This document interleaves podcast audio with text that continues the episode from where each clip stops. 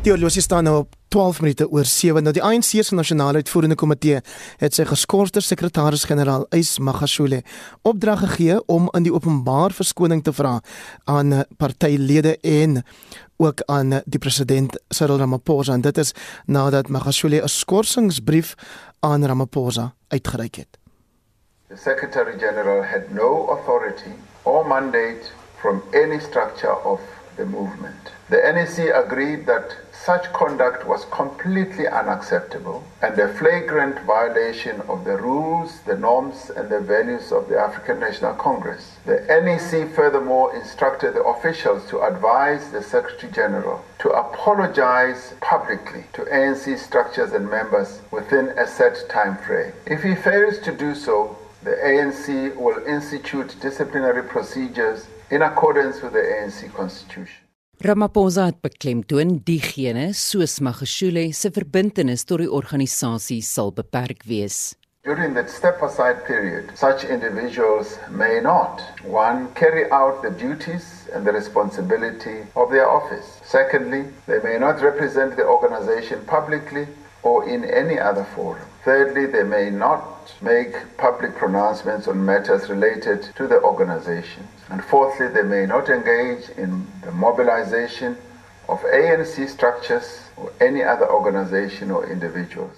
Met Magashule uitvernou, sê Ramaphosa sy adjunk, Jessie Duarte, sal verantwoordelik wees vir die dag-tot-dag -dag verantwoordelikhede van die organisasie. The NEC confirmed that in the light of the temporary suspension of the Secretary General, Deputy Secretary General Jesse Duarte will, in accordance with the ANC's constitution, carry out the functions entrusted to the Secretary General by the National Conference, the National General Council, the NEC, and the NWC. Members have condemned the unwarranted attacks on the Deputy Secretary General. The NEC reaffirms its full confidence in our Deputy Secretary General, Jesse Duarte, and supports her in carrying out her duties as per the ANC constitution. Hoewel openbare verteenwoordigers nie enige uitvoerende of regerende verantwoordelikhede tydens hierdie tydperk mag vervul nie, ontvang hulle steeds hulle salarisse en ander voordele. Hulle sake sal elke 6 maande deur die relevante strukture van die organisasie hersien word. Hierdie verslag is saamgestel deur Ntebo Mokobo in Johannesburg en ek is Estie de Klerk vir SAK nuus. Baie welkom by Monitor dis nou kwart oor 7. Die nasionale uitvoerende komitee van die ANC het gister die uitkomste van sy spesiale vergadering oor die naweek bekend gemaak. Dit is deur president Cyril Ramaphosa in sy slotopmerkings gedeel en dit behels dat die party se geskorste sekretaris-generaal Ys Magashule in die openbaar verskoning moet vra oor 'n skorsingsbrief wat hy uit eie wil aan Ramaphosa gerig het. Nou die oud ambassadeur Ibrahim Rasool en die politieke ontleder van die Noordwes Universiteit se Sakeskool Dr Piet Kroukamp, hulle twee sluit nou by ons aan. Môre Piet. Uh, Goeiemôre. Ek sien julle dan vir my 'n beter uh, gespreksloot gekies as wat Armetieu gister gehad het, maar nou ja, baie dankie. Assalamu alaykum Ibrahim. Wa alaykum salaam en goeiemôre vir jou ook. Kom ons begin dan dat julle elkeen vir ons sê wat was die een belangrike aspek van die uitkomste van die vergadering vir julle net een want ons het uiteraard vra oor die oor die res. Uh, Ibrahim, jy eerste? Nee, ek dink dat um, daar's 'n omwenteling van die prioriteite van die ANC. Ek dink tot dusver het die president gepraat van eenheid en ehm um, hernuwing. Ek dink wat nou aan die spits is, is die hernuwing gaan eenheid vooraf. Want jy kan nie eenheid hê met die wat nie hernie is nie en waar daar nie versuiwer was nie. En ek dink dis die groot omwenteling wat plaasgevind het oor die naweek. Piet, is dit nou finaal verby vir Magashule? Ek dink dit is baie naby aan finaal verby want sy hofsaak sal waarskynlik vir 2 of 3 jaar duur en uh, die volgende leierskapsverkiesing is uh, volgende jaar Desember.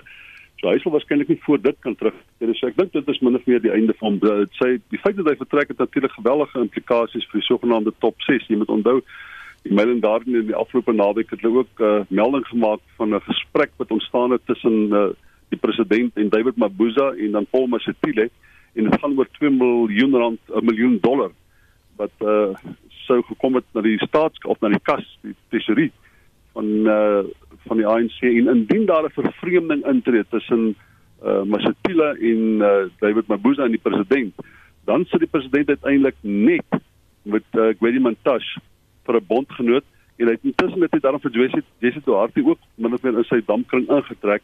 Maar die feit bestaan is binne die top 6 is die president baie fragiel in die situasie voortduur wat nou daar is.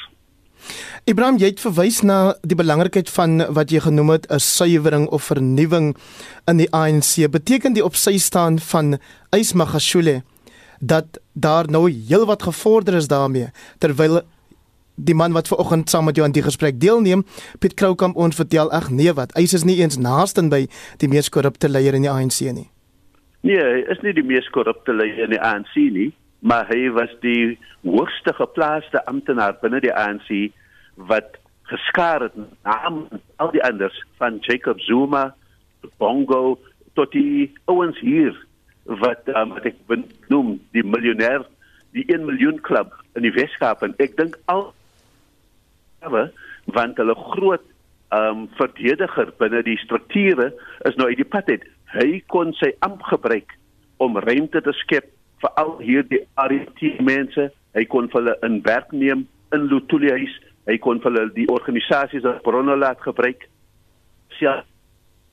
En die toegang na die strukture gebruik om protesaksies um te mobiliseer in in in in favour van Zuma en van al hierdie mense en hy kon die takke manipuleer om nog steeds vir hulle te stem en te besluit watter takke is in goeie standing, watter takke is nie en so voort. So ek dink die weghaal van Ismagashule uit daardie belangrike amp is meer belangrik as hoe hy was in binne die ANC. Dis die opening van die deur sodat almal gehandel kan word. Mm Ramaphosa het nou erken Piet dat voortsleepende verdelings en faksionalisme die indruk skep dat die ANC definitief 'n organisasie in krisis is. Wat moet gebeur om dit in ere te herstel en kan dit gebeur? Wel in ere herstel dink ek is dalk 'n bietjie ver gesog. Dis nog 'n lang pad om te stap, maar mens moet hier die vraag vra of die regte stappe geneem word om op 'n of ander manier 'n suiwering teweeg te bring wat van die uh, ANC 'n beter party gemaak en ons sal sien of die ANC 'n beter party is of dat die die kieserspubliek dink dis 'n beter party wanneer ons uh, na die stembus toe gaan 27 Oktober. Ek dink die president het regte ding gedoen. Hy het eintlik ontslag geraak van Ysma Gesuli. Die tweede ding wat hy gedoen het is dat baie belangrik uit uh, Gelemo Motlanthe en 'n paar ouens aangestel om te kyk na die kieslyste en uh, na die na die proses van registrasie en takvorming. Met ander woorde, hy die ANC tot op die takvlak is daar 'n tipe van 'n suiweringsproses om daar skoon te maak want jy moet onthou dis nie net mense wat by kieslyste beland nie dis mense wat kom na die leierskapskonferensie toe en as jy dieselfde proses het wat by Mangaung plaas te vind het of wat by uh, in Polokwane plaas te vind het en wat by Nasrek plaas te vind het dan is dit nie moontlik vir die ANC homself te suiwer nie dan gaan jy weer korrupsie kry en hanebassery en die uh, gatekeeping kry wat bepaal wie word die nuwe leierskap binne die ANC. So ek dink hy probeer die wortels van die ding probeer skoonmaak en in die bokant terselfdertyd. Dis 'n moeilike proses, maar ek dink tog as jy nou uh weet redelik is, moet jy argumenteer die ANC is vandag aansienlik beter party is wat hy sien nou maar 2 weke gelede was en hy's aansienlik beter party as wat hy onder Jacob Zuma was. So daar is 'n vorm van progressie.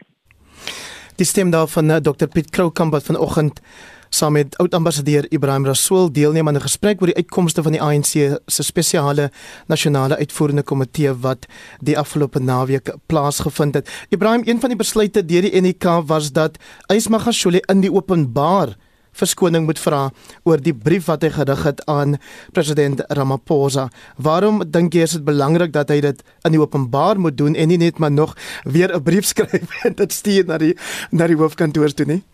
Nee, ek dink dis die wysgroep wat um, begin toegedryf word. Ek dink dat ehm um, Ismagashule se laaste desperate move om vir die president te probeer skors om homself weer in te bring in die NK vergadering ehm um, en so voort en om vir vir vir Mahumapela weer eh, ehm um, se lidmaatskap te herstel en so voort was baie desperaat en ek dink dat daardie desperate move was eintlik 'n uitnodiging om te sê julle moet my nie net skors nie, julle moet my lidmaatskap opskort as ANC lid. Um ek wil ekspel word. En ek dink wat dit nou gegee het vir die ANC was om te sê jy sal moet in die openbaar verskoning vra indien dit 'n brug te ver is um, gaan ons dan stappe teen jou neem. Ons gaan nie wag vir die uitslag van jou um, van jou hofsaake nie vir 2, 3 jaar nie.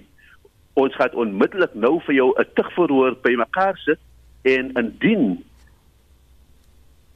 dat jy het te ver gegaan, jy um, permanent geskort word binne die ANC of vir 'n periode van 5 jaar gaan jy uitges, uitgesit word uit die ANC het, want dit wat jy gedoen het, het die organisasie in verdere oneer gebring en daarom gaan ons nou optree teen jou. So hy het nou eintlik nie laat die ANC wag tot die afloop van die hofsaak om dan te sê jy het jy het die ANC in disrepute gebring nie, maar hulle gaan nou onmiddellik op die basis van sy uitlatings om um, daardie bevinding probeer doen. Piet, hoe kan 'n mens die verdeling in MK geleedere regryk? Die NK het hulle kommer daaroor uitgespreek. Die president het uh, onder andere 'n uh, melding gemaak daarvan in sy verslag en een van die uh, dinge wat hy probeer uh, uh, doen is om 'n uh, uh, gesprek in die gang te kry tussen die verskillende uh, sien maar die veterane en die en die MK en hy gaan die einde van die jaar rondom ek dink dit is die 60ste verjaarsdag van ek dink is die 60ste verjaarsdag van MK hy het spesifiek het uit moeite gedoen om te sê daar sal 'n proses wees van van erkenning van MK se rol oor die laaste 60 jaar. So hy skep 'n tipe van geleentheid om te herbesin en vir die vir twee verskillende kampe om bymekaar te kom. Daar's geen twyfel daaroor dat hy dink dat uh die die die die deel wat on, wat voortbestaan onder Mapacho en onder onder onder, uh, Karl Neus moet eenvoudig op 'n of ander manier versoen met met MK soos wat dit nou voortbestaan.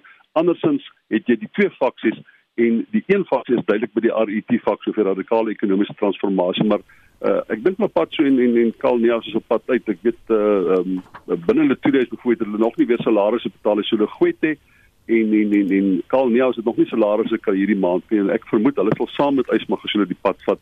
En dan sal ek dink 'n deel van die konflik bestaan oor die MK en die MK veterane ek dink 'n deel van die konflik sal daar besleg word. Ibrahim 'n kort reaksie van jou kant af op die nuus wat ook bekend gemaak is gister en dit is naamlik dat die nasionale uitvoerende komitee se koördineerder Andrius Nel doodsdreigemente ontvang het. Nee, ek dink dis dis dis dis dis dis vergaande dat dit moes. Um, Andries Nel is een van die eerlikste en eerbaarste mense wat ek ken en ek dink dis net die maatstaf van die desperaatheid van die RT faksies en so voort maar weer eens dink ek dit het die geleentheid geskep om ontslae te raak van die mense wat hierdie dreigemente om die element van impunity te die ANC te kry. Mm. Ek dink dat op die oomblik is die ANC nie so seer gefaksionaliseer nie dit is net 'n deeltyd tussen reg en verkeerd. Dis nie regs of links binne die ANC nie. Dis reg of verkeerd en ek dink dat selfs in MK geleedere soos Piet sê, ehm um, daar's twee individue. As jy van hulle ehm um, 'n voorbeeld maak, dan kom die hele ding weer reg. Daarom sê ek dit is versuiwering ehm um, voor daar eenheid is. Goed. Tot nou toe het ons eenheid probeer nastreef, maar nie versuiwering nie. Baie baie dankie vir jou deelname vanoggend. Ibrahim Rasool is Suid-Afrika se voormalige ambassadeur na Washington, ook premier, voormalige premier en voormalige ANC leier in die Weskaap. Saam met hom iemand wat eintlik geen bekendstelling nodig het nie, Dr Piet Kroukamp, 'n politieke ontleder verbonde aan die Noordwes Universiteit. Solidariteit het gistermiddag met die minister van water en sanitasie Lindiwe Sisulu vergader oor die invoer van Kubaanse ingenieurs.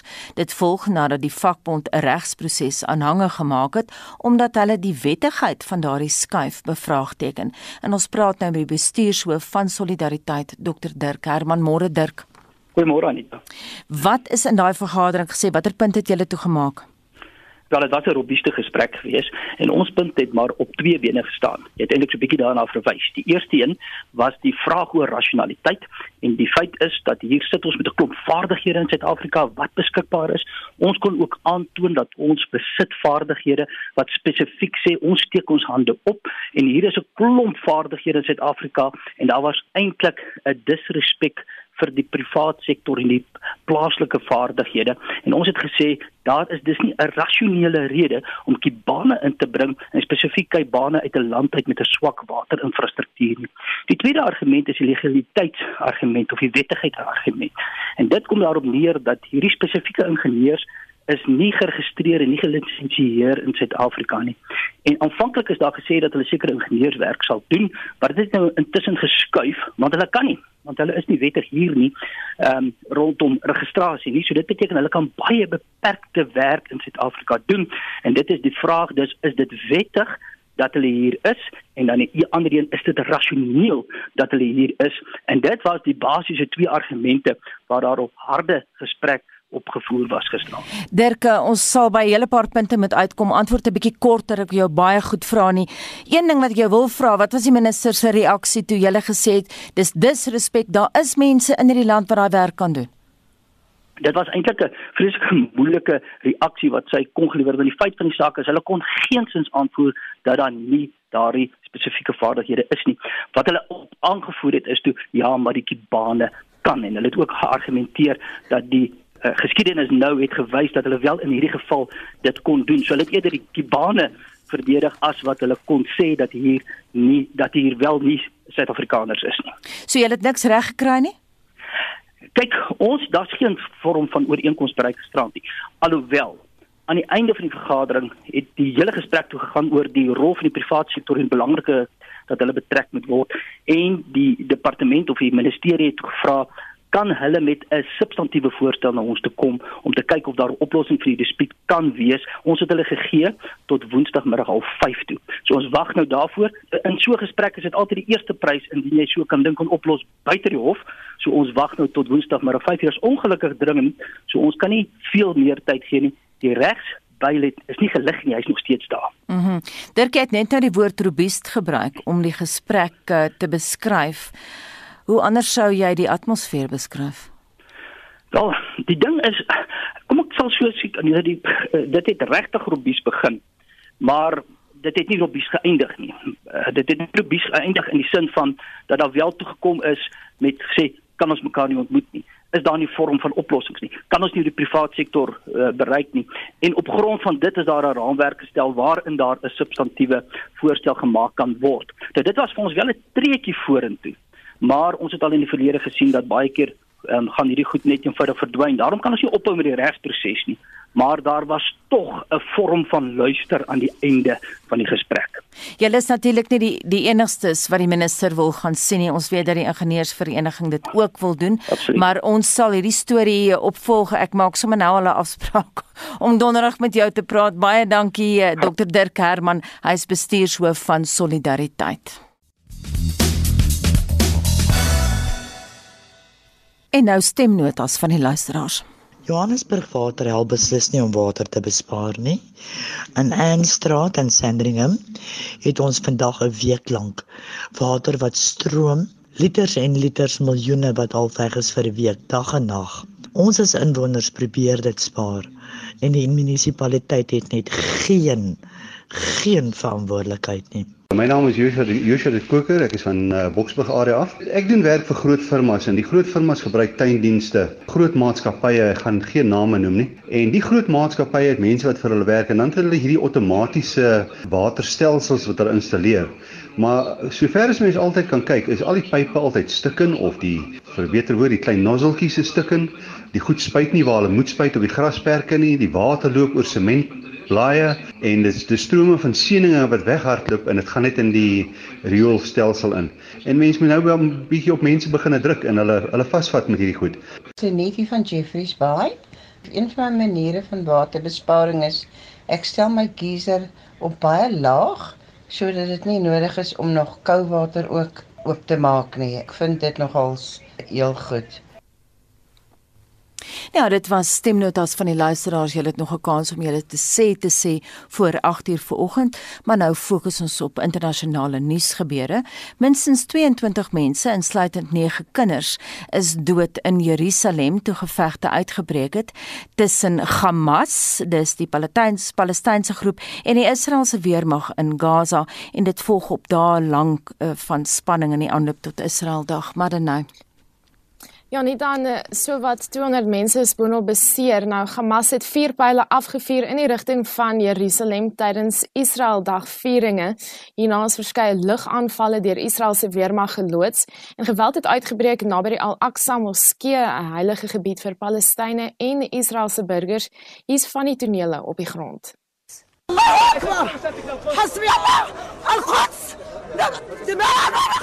Our blood is a cheap price for Jerusalem, shouts this bereaved Gaza grandmother.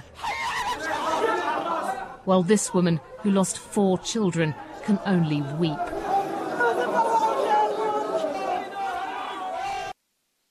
En 'n brand naby die moskee kon van 'n verander byeenkoms in Jerusalem gesien word waar inwoners die oorneem van Palestynse gebied 50 jaar terug gevier het.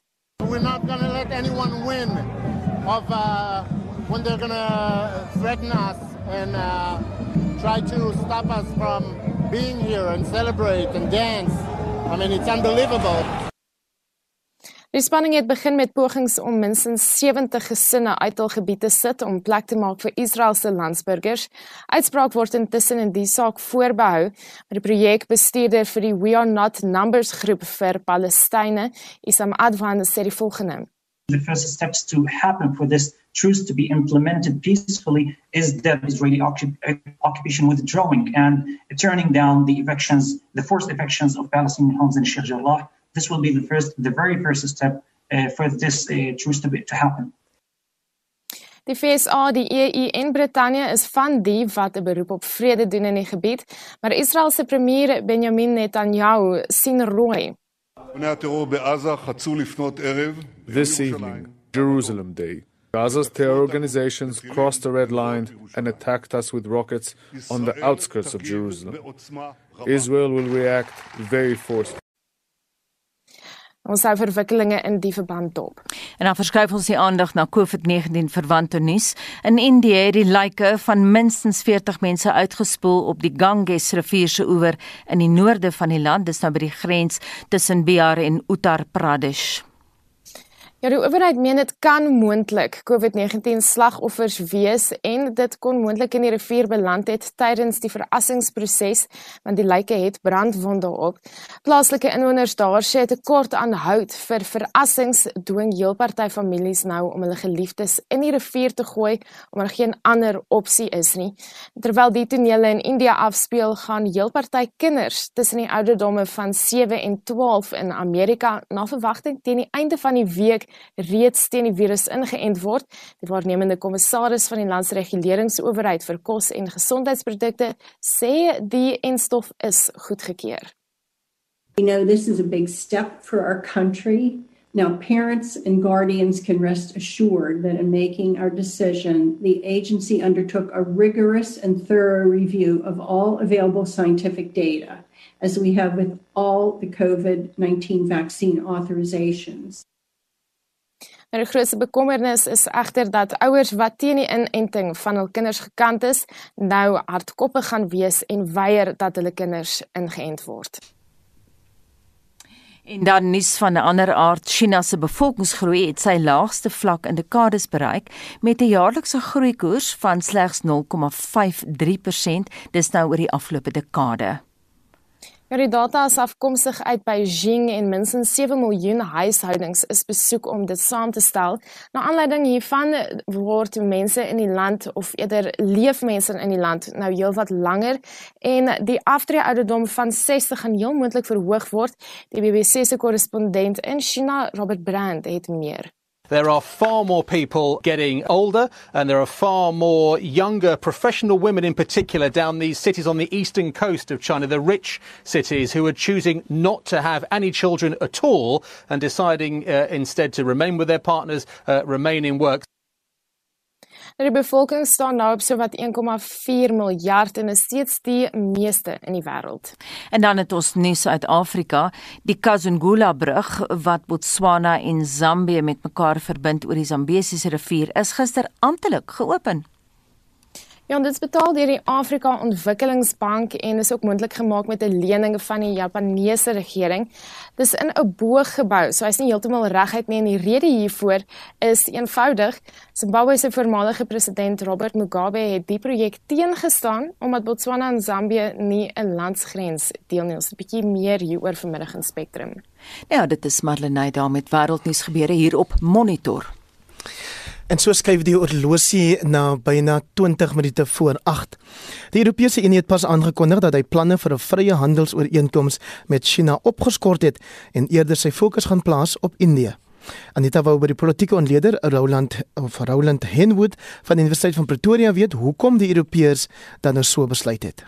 Daar's twee redes. Um, Indië is 'n baie belangrike handelsvennoot vir die Europese Unie. Die derde belangrikste handelsvennoot vir die Europese Unie en die vierde, vyfde belangrikste handelsvennoot met die Europese Unie. Dis 'n belangrike rolspeler. En dan moet 'n mens gaan kyk na die konteks waarbinne hierdie handelsgesprekke plaasvind. Nou belangrik is dat die Europese Unie en Indië het elke jaar 'n vergadering waar hulle gerig praat oor gesamentlike belange en spesifiek ook handelsbetrekkinge. Maar dan is daar 'n belangrike historiese konteks en dit is dat die onderhandelinge vir die sluit van 'n vryhandelsooreenkoms het in 2013 vasgehaak en dit het nog nooit verder ontwikkel nie. En nou het die Europese Unie aangedui dat hulle in Mei hierdie jaar meer indringend gaan praat en weer die gesprek rondom 'n vryhandelsooreenkoms gaan begin aanvoer en kyk of hulle nie 'n ooreenkoms met Indië kan bereik. En dit hou natuurlik verband met die dinamika in die streek, die Indo-Pasifiese streek. Dit hou ook verband met die feit dat die Europese Unie waarskynlik begin herbesin oor die onderhandelinge wat hy reeds met China gehad het en verder met China wil voer oor handelsbetrekkinge in die toekoms. Dit lyk asof die Duitsers anders dink. Ja, die Duitsers dink anders in die sin dat hulle 'n baie sterk gevestigde ekonomie op hulle eie is en nie so maklik geïntimideer word nie. Maar binne die konteks van die Europese Unie is dit baie duidelik dat die Unie wat Duitsland insluit, anders begin kyk na die posisionering van die Europese Unie self. Ons moet ook onthou dat Frankryk is ook geneig om met tye 'n uh, eensidedige of 'n andersoortige benadering te volg en amper te lyk asof hulle hulle eie ding doen. Maar telkens wanneer dit binne die konteks van die Europese Unie en die belange van die Unie as 'n handelsblok gaan, dan is hierdie moonthede of state geneig om weer in te val by wat die Europese Unie besluit en speel hulle die proses saam met die Europese Unie en binne die konteks van die Unie se besluite. Die EU se besware teen China, het dit alles net te doen met menseregte vergrype? Nee, dit gaan nie net oor menseregte vergrype nie. Dit is een van die belangrike aspekte wat nou baie aandag kry en wat terloops baie verdeeldheid binne die Europese Unie tot gevolg het. Die naweek byvoorbeeld het Hongarye die Europese Unie gekeer om 'n baie sterk verklaring teen China oor menseregte vergrype namens die Europese Unie uit te reik. So daar's nie 'n eensidedige of 'n eensgesinde benadering nie. Aan die ander kant is die betrekkinge met China belangrik, maar dit gaan nie net oor handel nie, dit gaan ook oor die veiligheidskonteks en en die begrip van nasionale veiligheid van die lidstate van die Europese Unie. En China word gesien as 'n bedreiging op verskillende terreine, onder andere die kwessie van China se baie sterk invloed in Europa in terme van die elektroniese omgewing en die vrese wat dit laat ontstaan vir spionasie, die feit wat oor 'n baie lang tyd kom dat daar baie sterk teenkanting is teen China se miskenning van die intellektuele eiendom van Europese maatskappye. So dis 'n hele reeks van faktore wat onderliggend is aan die skeptisisme van wat China besig is om te doen. En dan miskien die laaste konteks is die hantering van China van sy eie buitelandse betrekkinge en 'n baie meer aggressiewe benadering tot die internasionale politiek en tot diplomatie. En dit is faktore wat die Europese Unie soos 'n klomp ander rolspelers baie meer versigtig maak vir hulle interaksie met China en maak dat hulle begin terughou en ook selfs begin om beperkings te plaas om China se vryheid om te handel in te perk. Wat het Indië handelsgewys die EU te bied? Dis is nog 'n hele reeks van handelssektore wat betrokke is. Dit gaan oor wat genoem word die chemiese sektor, die ingenieursbedryf, staal en dan ook die dienste sektor en dis nogal interessant dat Indië een van die state is wat nogal 'n redelike groot impak het in Europa in terme van die dienste sektor. So dis 'n baie wye reeks van ekonomiese aktiwiteite waarby Indië betrokke is in, in sy handel met die Europese Unie. Daar is reeds spanning tussen Indië en China. Gaan dit nou verhoog?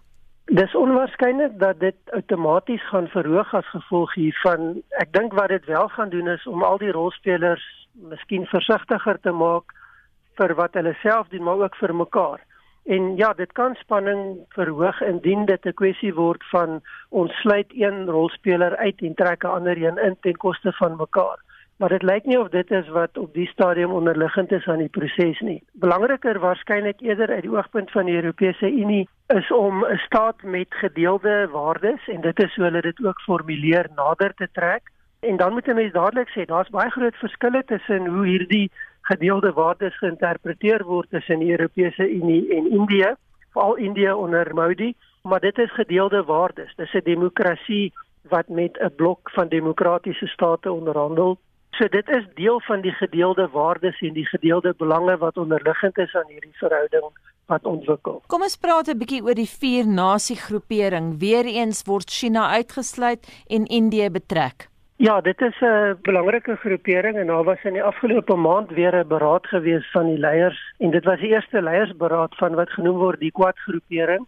Dis nou Japan, die VSA, Australië en Indië en wat baie sterk gefokus op veiligheidsbelange binne die Indo-Pasifiese streek. So dit is deel van die dinamika wat binne hierdie streek begin ontwikkel en ek dink wat belangrik is is dat weer eens dit gaan nie net oor China of net oor Indië nie. Dit gaan oor die geopolitiese konteks. Hierdie streek is besig om baie belangrik te word in die wêreldpolitiek. En dit is belangrik vir politieke redes, maar ook belangrik vir ekonomiese redes. Die doelwit hier is om oor 'n wye reeks van rolspelers gemeenskaplike belange te identifiseer, te ondersteun en dan op strategieë te besluit oor wat is die beste manier om hierdie belange te dien en die bereiking van hierdie belange te verseker. Onderliggend hieraan is natuurlik die feit dat daar binne hierdie streek toenemende spanning begin ontwikkel en dat daar ook 'n baie sterk klem is op die feit dat nie 'n anti-China gesindheid nie, maar 'n bewustheid van China wat 'n nuwe rol begin speel en op 'n nuwe manier binne hierdie konteks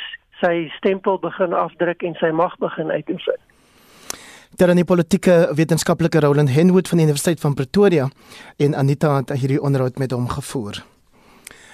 Byna 747 hier op monitor die sogenaamde Suid-Afrikaanse Debt Crisis Collection is oorhandig aan die Universiteit Stellenbosch en vir meer oor wat dit alles behels, praat ons nou met Mimi Seifert Worth, die adjunkdirekteur digitale akademieskap in die SU se biblioteek. Sy is oor hoofsverantwoordelik vir spesiale versamelings waarvan hierdie SA Debt Crisis Collection dan nou deel sal uitmaak. My goeiemôre, wat presies is hierdie Debt Crisis Collection? Ek weet nie of dit in Afrikaans kan vertaal na skuldkrisis versameling nie. Hmm. Goeiemôre Hendrik. Ja, ons ons kan maar sekerlik praat van die buitelandse skuldkrisis van 1985-1986. En ehm um, in hierdie geval is dit 'n verskriklike belangrike dokumentversameling wat ons kant toe gekom het. En dit werp werklik lig op 'n belangrike deel van ons geskiedenis wat aanleiding gegee het tot die beëindiging van apartheid en ons pad na demokrasie. Was natuurlik net een deel van die legkaart van ver, ver, verwikkelinge wat ons hierna gelei het. Ehm um, ek kan miskien net vertel dat ehm um, die versameling dan nou baie korrespondensie ehm um, bevat uh, wat destyds ehm um, na oorseese banke gestuur is deur 'n uh, onant, onant, on, afhanklike uh, bemiddelaar Dr Fritz Lloydweiler wat aangestel is om hierdie kwessie te hanteer. En ek dink nie baie mense besef ehm um, hoe Suid-Afrika in die knyp was nie en hoe hierdie ehm um, hierdie ge geskiedenis eintlik vir ons wys hoe die land van ekonomiese krisis gered is in daardie jare.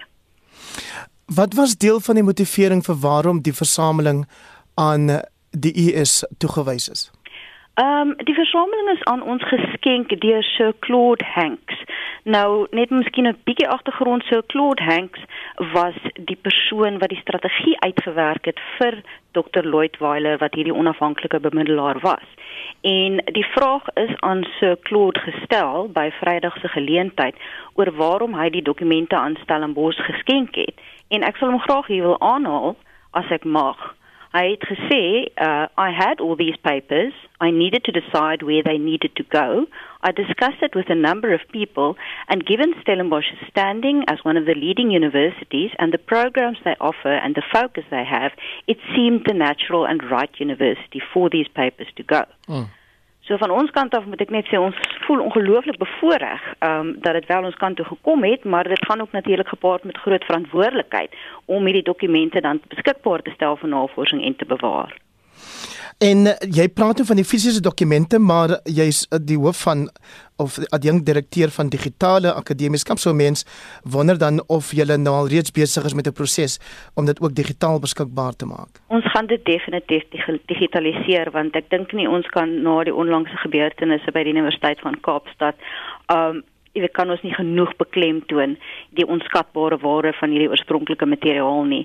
En ehm um, so nee, ons sal definitief ehm um, sal dit ehm um, gedigitaliseer word. Ons is op die oomblik nog besig met 'n sorteringsproses en 'n beskrywingsproses, maar daarna sal dit definitief digitaal ook beskikbaar wees. Wie sou nou tipies meme die nut van hierdie versameling waardeer? Wel, ons kan ook klaar definitief belangstelling sien. Nie gaan definitief 'n meesters of doktorsgraad hier uit kan kom. Um die navorsingswaarde van hierdie versameling is groot en dit ondersteun werklik navorsing in ekonomiese geskiedenis, internasionale politiek, Suid-Afrikaanse politieke geskiedenis sosio-politiese geskiedenis ensovoorts en dit is ook regtig 'n versameling wat interdissiplinêre navorsing kan ondersteun. Um so ja, definitief iets uh, ons weet dat hierso ons bystel in Boswerk ons departemente van geskiedenis en ekonomie baie nou saam. So ek is seker daar gaan belangstelling wees en dan ook enige um geskiedkundige wat wat wat kyk na hierdie tydperk van Suid-Afrika se geskiedenis, dink ek moet definitief sy of haar hande hier op lê. Is dit moontlik om geldwaarde te heg aan so 'n versameling? Dit is dit is nie eintlik nie. Um hierdie hierdie versameling sê ek het nou gepraat van die navorsingswaarde. Dit is onvervangbaar. So om 'n geldwaarde daaraan te te te koppel is eintlik dit dit maak nie sin nie. ons praat eerder hierso van 'n van 'n intrinsieke waarde. En in in 'n hierdie versameling is dit so belangrik want die die konteks is vir ons ook so duidelik geskep en ehm um, die herkoms van die versameling is ook duidelik. So dit het 'n intrinsieke waarde wat ek nie vir jou 'n uh, rand en sent aan kan heg nie. So eh, eh, mens wonder ook of dit net dokumente is waarvan ons hier praat of is daar argumentshalwe klankopnames ook beskikbaar van vergaderings dalk? Ja, daar daar is nogal ehm um, ek ek weet spesifiek van een klankopname wat ehm um, wat beskikbaar is en dan is daar natuurlik soos ek genoem het, weet daar's goed soos korrespondensie en koerant uitknipsels en sulke dinge, maar wat natuurlik baie belangrik is in hierdie versameling want hierdie was 'n vreeslike klandestiene operasie destyds. Uh dit het bekend gestaan as Project Leopard. In baie het in die geheim gebeur baie van die vergaderings ensovoorts. En dit het blykbaar Wat was daai naam? Ekskuus my me? Project Leopard. Leopard. Yep. So, en baie van hierdie dinge het gebeur in 'n baie toksiese omgewing destyds en hierdie Sir Claude Hanks het sy eie persoonlike opmerkings um gehou oor elke telefoongesprek, elke vergadering en hierdie opmerkings het hy genoem notes for the record.